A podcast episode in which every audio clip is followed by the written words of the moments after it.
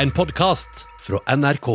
Da Norge stengte ned 2020, oppstod et stort behov for digital omstilling. Og gjett om vi snudde oss rundt i en brenning og fikk nye e-helseløsninger på rekordtid.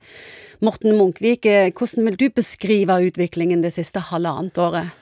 Ja, Det var en ganske stor omstilling, ja, som du var inne på. Fra å gå eh, i fullt venterom, så ville vi jo helst ikke ha folk på venterommet. Så da måtte vi være tilgjengelige på en eller annen arena. Og da kom disse E-greiene inn. Og så ble vi bevisst at det er nettsider òg. Vi besøker Helse-Norge på nett og får svar på spørsmålene eller finner vaksinepass. 72 millioner besøk i 2020 mot 37 millioner året før.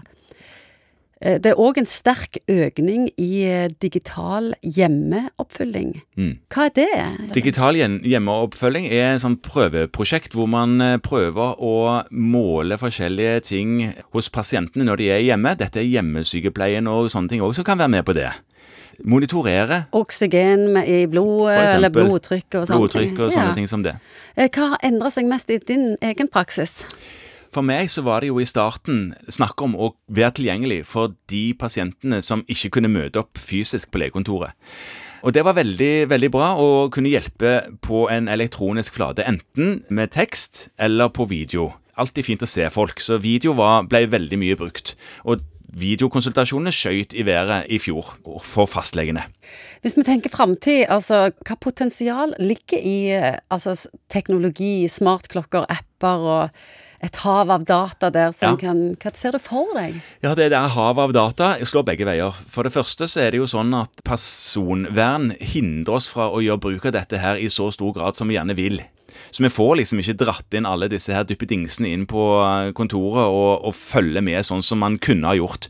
Men samtidig så er det et problem med at man følger veldig godt med på alle mulige ting, for det, noe vil jo da slå ut som ikke normalt, altså litt patologisk, og Ja. det vil veldig mange lure på.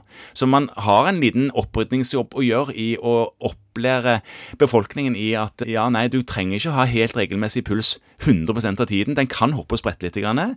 Så at her er det enda mer jobb å gjøre, tror jeg, for, for fastlegene framover. Så vi må vokte oss litt grann for hva vi tar i bruk.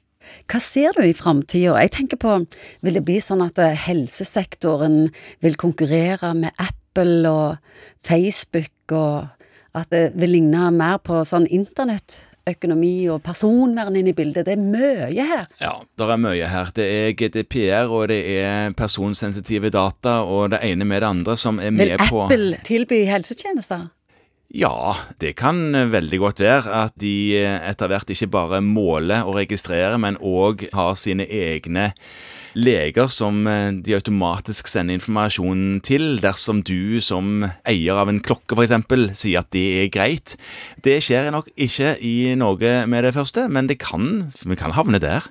Hvordan vil framtida se ut, tror du?